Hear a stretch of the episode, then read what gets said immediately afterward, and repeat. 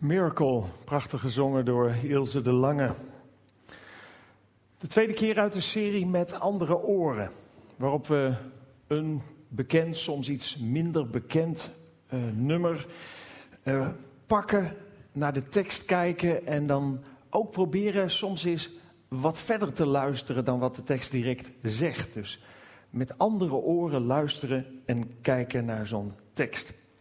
Dit nummer Miracle is een lied dat gezongen is en, um, en geschreven ook door Ilse de Lange, waar we het uh, net ook van hoorden.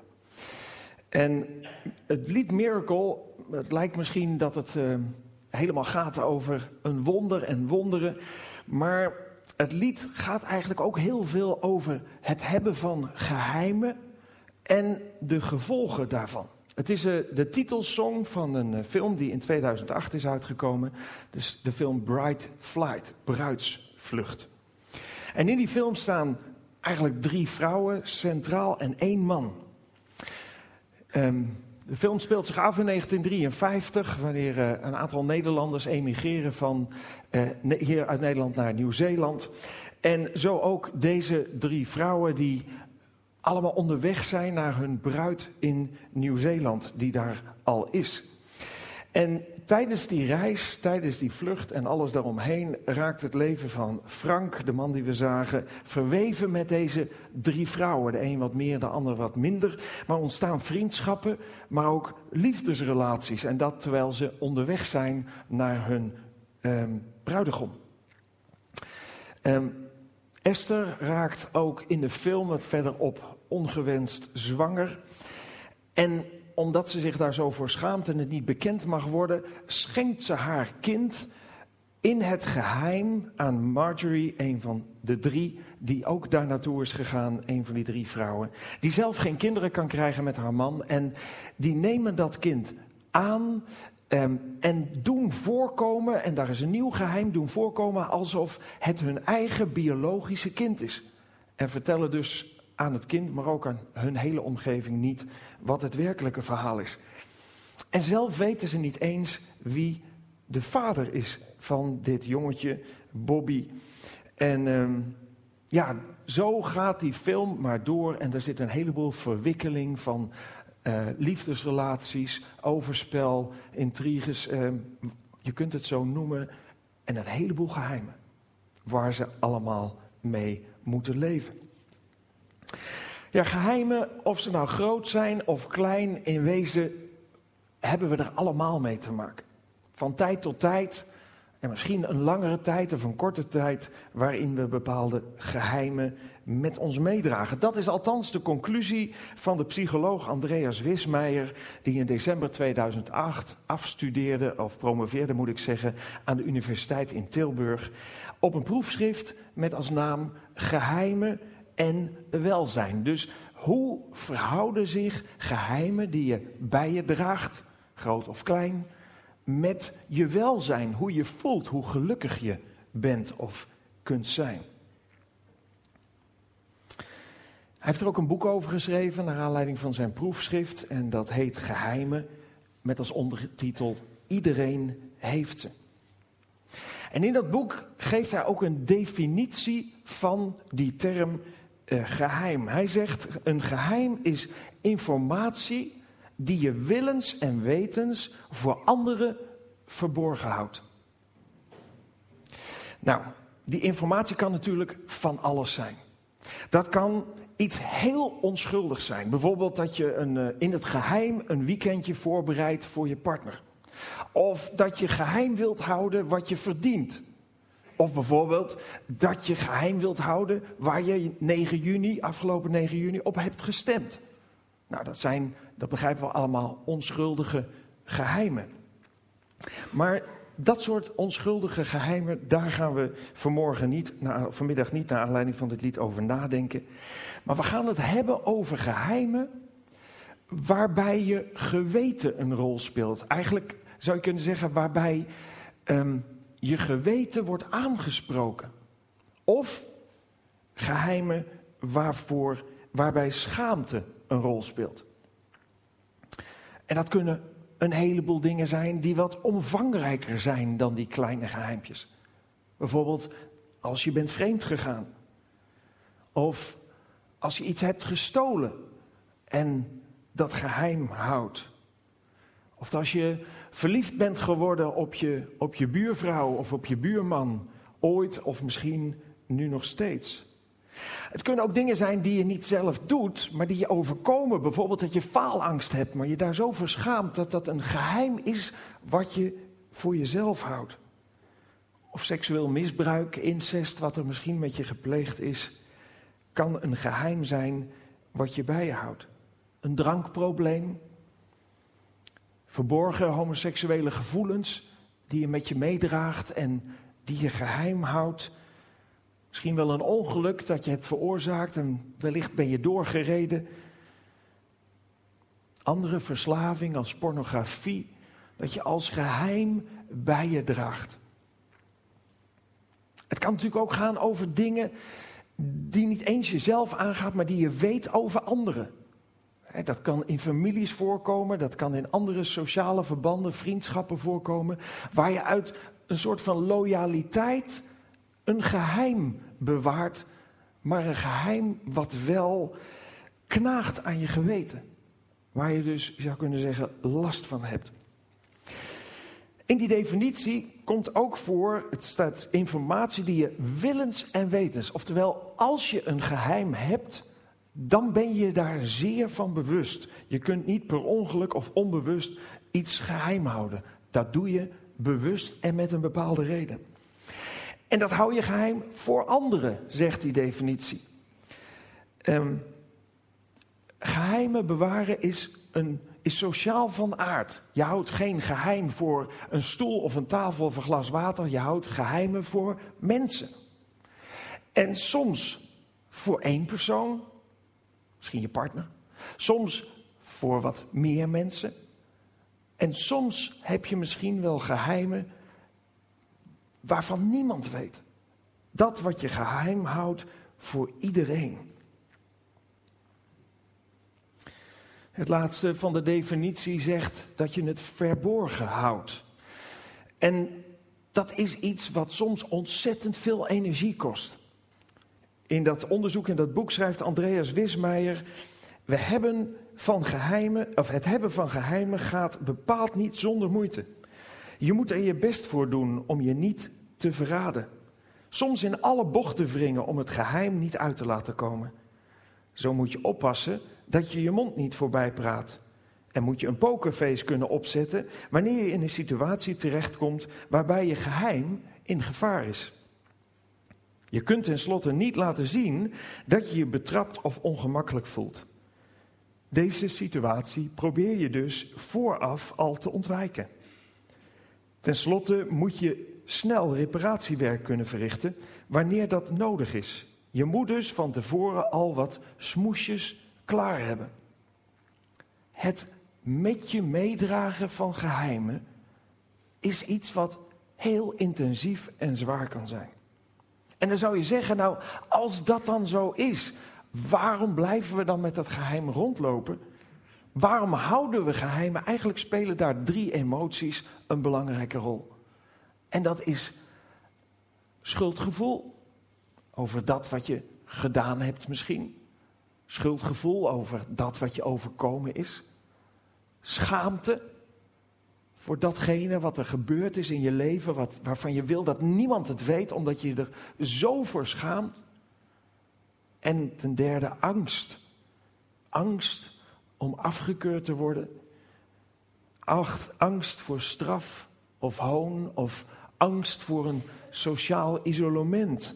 Sociale uitsluiting, dat mensen niets meer met je te maken willen hebben nu ze dit geheim van je hebben ontdekt of nu je dit hebt verteld. Wat uit onderzoek blijkt is dat we een behoorlijke hoge prijs betalen wanneer we een geheim met ons meedragen. En dat is iets wat we in de Bijbel ook terugvinden. Eigenlijk kun je zeggen dat de conclusie van dit boek en dit onderzoek aan de universiteit eigenlijk letterlijk in de Bijbel staat opgeschreven. Want in de Bijbel is een persoon, er zijn er wel meer, maar ik heb deze even genomen. De persoon van koning David, die regeerde lang geleden over Israël. en die een groot geheim met zich meedroeg. En tijdens dat, die periode, die, dat ruim een jaar dat hij dit geheim met zich meedroeg, daarover die periode schrijft hij, zolang ik zweeg, teerde mijn botten weg. Kreunend leed ik de hele dag. En voor heel veel mensen die hier vanmiddag zitten, geldt datzelfde. Je kunt wel denken, ach, ik duw het aan de kant, of ik denk er niet meer aan, maar je merkt toch dat het steeds opnieuw de kop opsteekt. In bepaalde situaties, bepaalde omstandigheden die je misschien wel gaat ontwijken, maar geheimen hebben we en daar hebben we soms heel erg last van. Andreas Wismeijer schrijft in zijn onderzoek: mensen met geheimen, hij noemt het gesloten oesters, ervaren een lager welzijn. Oftewel, die zijn minder gelukkig dan mensen die niet de last van een geheim met zich meetorsen. En dat minder gelukkig zijn, dat is niet alleen psychisch, wat zich uit in, in depressiviteit, in obsessies, maar dat is ook vaak fysiek lichamelijk. Grote geheimen die zwaar zijn, soms om te dragen, zijn ziekmakend. Een Amerikaanse psycholoog, James Pennebaker, toont aan dat mensen die geheimen met zich meedragen, vaker ziek worden dan mensen die dat niet hebben. Dat deze mensen minder goed reageren op medische behandelingen. Dat mensen die die geheimen met zich meedragen vaker naar, naar de dokter gaan. Een snellere ziekteprogressie hebben. Dus als ze ziek worden, dan verergeren de dingen sneller dan gemiddeld of dan normaal. Dat deze mensen meer lichamelijke klachten hebben en een minder goed werkend immuunsysteem. Moet je nagaan hoe ontzettend groot de impact is, kan zijn van een geheim wat je meedraagt. En wat was dat geheim van David? David die was in de avond in zijn paleis en keek wat rond vanuit een vrij hoge positie. Zag daarin Bathseba, die op een andere plek was, lager gelegen. Die zichzelf aan het wassen was, ontkleed wat was. En zij was mooi en hij voelde zich tot haar aangetrokken. Ondanks het feit dat zij een getrouwde vrouw was, liet hij haar bij zich komen en uiteindelijk kwam het tot overspel. En dat niet alleen, maar zij raakte zwanger van deze koning David en vertelde hem dat natuurlijk. En ja, koning David stond bekend als een, als een godvrezend man. En die had een reputatie hoog te houden. Dus hij wilde dit niet uit laten komen. En wat deed hij? Hij liet de man van Bathseba, Uria, die op het veld was, als militair uitgezonden was en aan het vechten was om Israël te bevrijden, die liet Uria op bijzonder verlof komen. En die dacht, als ik dat nou doe, dan heeft hij een tijd omgang met zijn vrouw en dan is haar zwangerschap verklaarbaar en dan laten we het daarbij. Maar Uria ging niet met zijn vrouw naar bed. Die zei: Zolang mijn medemilitairen, mijn maten op het veld vechten, ga ik hier geen feestje houden. Dus hij onthield zich daarvan. En ja, het plan mislukte. En David koos een andere strategie die nog veel verder ging. Hij gaf hem een brief mee, wat eigenlijk zijn eigen doodvonnis was, mee naar het, naar het front en daarin gaf koning David de opdracht om Uria in de voorste linies van de strijd te zetten, waarin de grootste kans was dat hij zou omkomen en dat gebeurde ook. En misschien heeft David een moment gedacht, zo, nu is het klaar, hij kon zelfs Bathseba tot zijn vrouw nemen. Maar we lezen nogmaals die tekst. Zolang ik zweeg, teerde mijn botten weg. Kreunend leed ik de hele dag. David gaf zijn geheim niet prijs. Maar hij ging er wel zwaar onder gebukt. En dat kwam ook tussen hem en God in te staan. Wat natuurlijk logisch is. En uiteindelijk stuurde God een profeet naar hem, de profeet Nathan. En je zou kunnen zeggen, die ontmaskerde zijn geheim. Omdat God aan Nathan had bekendgemaakt wat het probleem was. En natuurlijk ging die hele situatie voor David gepaard met schaamte. Gelukkig ook gepaard met berouw. En het ging ook gepaard met straf, want David had er niet voor gekozen om zijn geheim bekend te maken en berouw te tonen. Nee, God moest die eerste stap zetten en hij kreeg daarvoor ook een straf. En binnen ons rechtssysteem wat we hebben, geldt ook dat als wij een wet overtreden, dan, ja, dan moet je of een bekeuring betalen of als het erger is in de gevangenis. Maar als je erge dingen hebt gedaan en je geeft jezelf aan, dan heb je een grote kans dat je strafvermindering krijgt. Nou, bij God werkt dat anders. We lezen in de Bijbel, wie niet voor zijn zonde uitkomt, kent geen voorspoed. Niet een jaar niet of een paar jaar niet. Nee, die kent geen voorspoed. Oftewel, dat blijft zich, dat wat je geheim houdt, dat wat je binnenhoudt, zeker als het met zonde te maken heeft, van jezelf, dat blijft zijn effect hebben. Maar, gaat de tekst verder, wie ze beleidt en zijn leven betert, kan rekenen op liefde en genade. Geen strafvermindering, nee, liefde en genade. Een andere, tekst, een andere vertaling van dezelfde tekst zegt, wie ze toegeeft en vermijdt, krijgt vergeving. En waarom? God wil niet dat we rond blijven lopen met geheimen die ons kapot maken. Want die geheimen over zonden die je zelf hebt gedaan of dingen die je zijn aangedaan, dat zijn allemaal situaties waarin het kwaad, de tegenstander van God, je in zijn macht heeft gekregen. Echt duisternis is in je leven. En die duisternis maakt je ziek. En God wil ons allemaal vrijmaken van die belasting.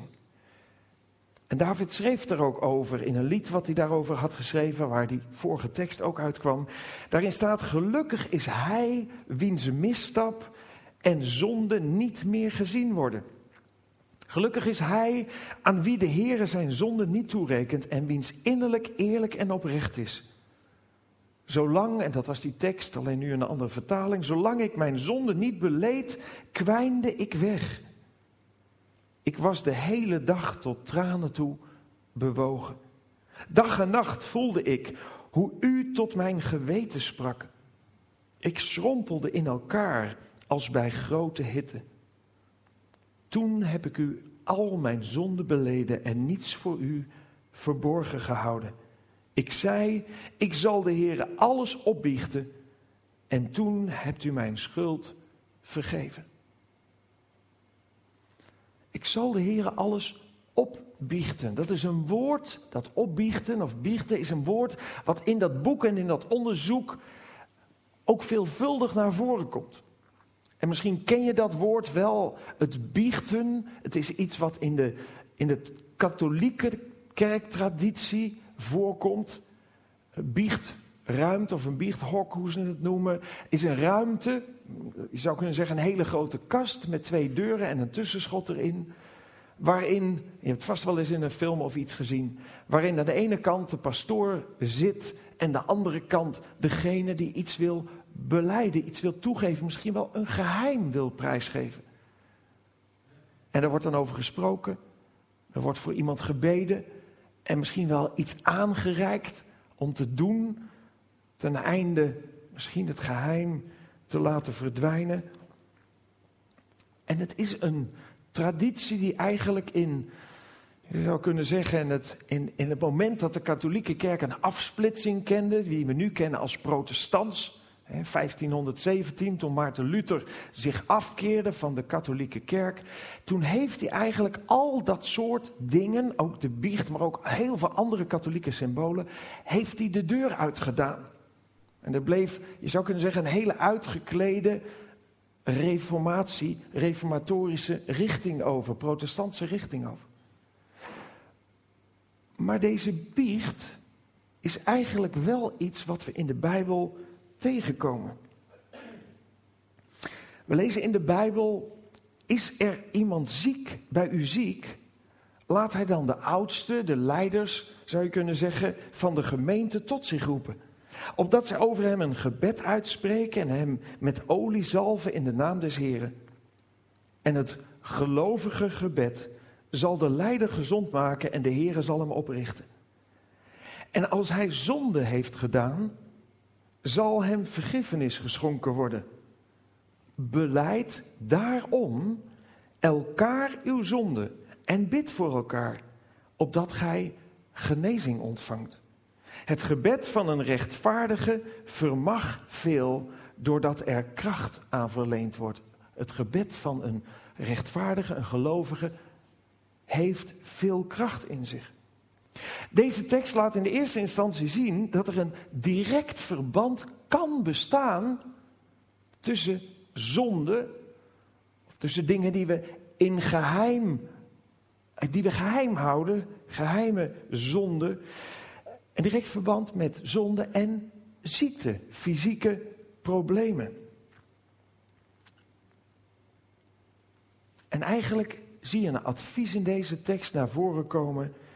Praat daar met iemand over. Deel dit geheim. Zorg dat het geheim in de openbaarheid komt. Dat iemand daar met je voor kan bidden. Dat iemand je een advies kan geven vanuit Bijbels perspectief, vanuit Bijbelse richting, zodat je je geheim daadwerkelijk je zou kunnen zeggen, de, de last die op je schouders rust, daadwerkelijk kwijt kunt raken. Het betekent niet dat het wereldkundig gemaakt moet worden of dat het je in de krant moet zetten. Nee, het gaat erom dat Gods licht mag schijnen over deze geheimen die je met je meetorst, zodat het kwaad zijn grip verliest. Ik heb regelmatig, en ik moet zeggen in de laatste periode, opvallend veel gesprekken met mensen die met hun geheimen naar buiten komen. En in de praktijk zie ik de genezende werking van, van die gesprekken, van het gebed wat daar rondomheen ook plaatsvindt. En ik zie dat het tot genezing leidt en dat het kwaad daadwerkelijk zijn greep verliest op een persoon, omdat het niet langer een geheim is. Dat mensen bevrijd worden van een juk wanneer je met elkaar eigenlijk zou kunnen zeggen naar Christus toe gaat en dit geheim openbaar maakt voor Hem. En dat is eigenlijk precies waartoe Jezus ons ook uitnodigt. Jezus zegt, kom naar mij. Jullie die vermoeid zijn en onder lasten gebukt gaan, dan zal ik jullie rust geven. Neem mijn juk op je en leer van mij, want ik ben zachtmoedig en nederig van hart. Dan zullen jullie werkelijk rust vinden. Want mijn juk is zacht en mijn last is licht. En dat wil niet zeggen dat het meteen allemaal weg is.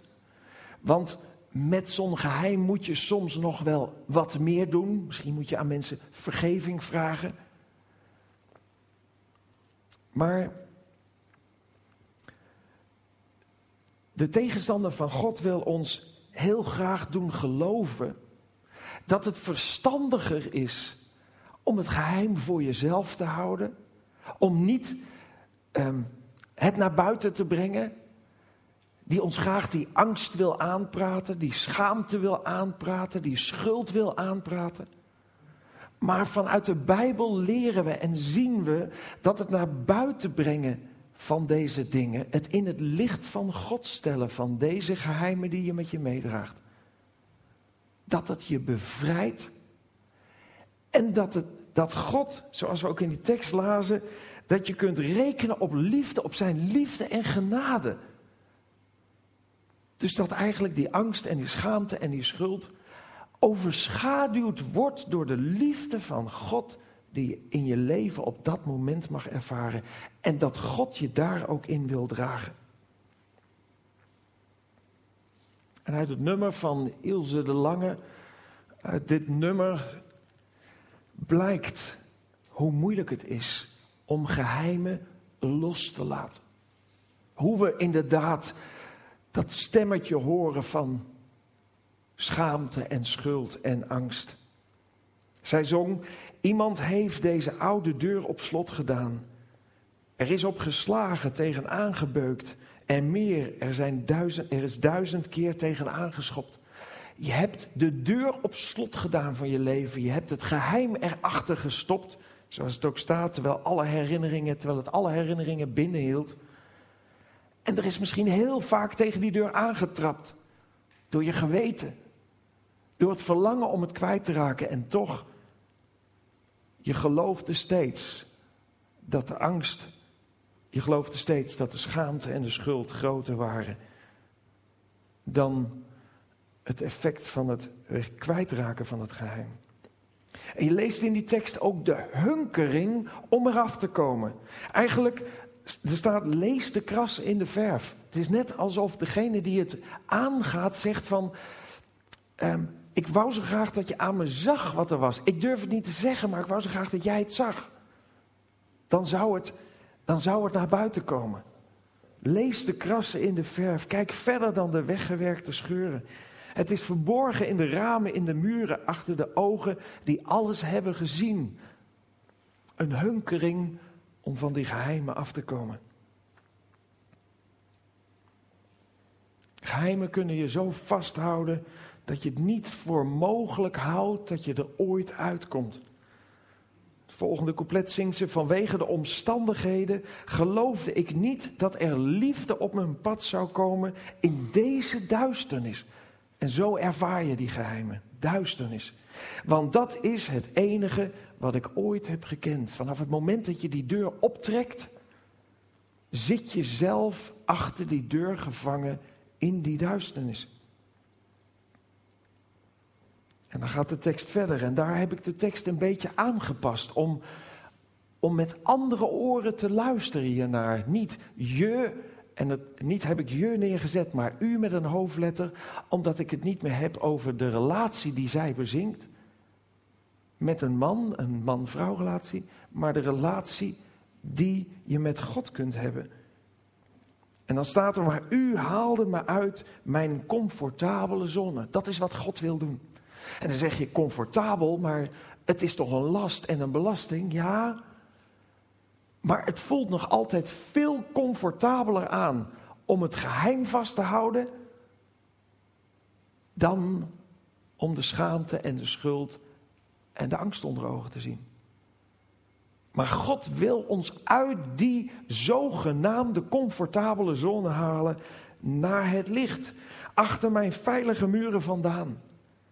Zodat ik zou zien dat niemand kan leven zonder te geven wat u kunt geven. Niemand kan leven zonder de relatie met God. En dan bedoelen we leven met een hoofdletter. Geestelijk leven. En dan komt het refrein wat een paar keer terugkomt, waarin ze zingt: Een wonder komt mijn leven binnen. En dat is precies wat God in je leven wil doen. Hij wil als een wonder binnenkomen. En dan gaat het verder, een spiegelbal die alle facetten belicht. God wil door zijn zoon, de Heer Jezus Christus, in ons leven zijn. Wil met zijn geest ieder plekje, ieder facet van ons leven belichten. Zodat de duisternis moet wijken en het licht volledig in je leven kan doordringen. Een wonder, zegt ze, kijkt rond in mijn leven. Eindelijk. Als je zo lang gebukt gaat, je zo langer moet vasthouden wat geheim is, dan zeg je eindelijk. Ik heb mezelf altijd verstopt. Alles wat ik voelde hield ik binnen. Er waren wel woorden, maar geen geluid. De stilte was oorverdovend.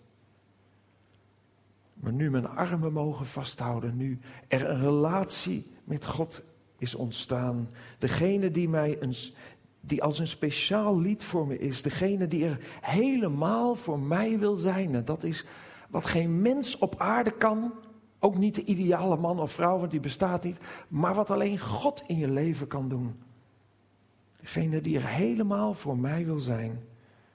Ervaar ik dat er bloed uit een steen kan komen. Dat er iets wonderlijks kan gebeuren. Maar dit bloed zegt ook iets in de Bijbel. Want daar in de Bijbel lezen we dat de Heer Jezus Christus naar deze aarde is gekomen. En dat zijn bloed gevloeid heeft op Gogolta. Om onze zonde te bedekken. Om ons los te maken uit de klauwen van het kwaad die ons vast probeert te houden.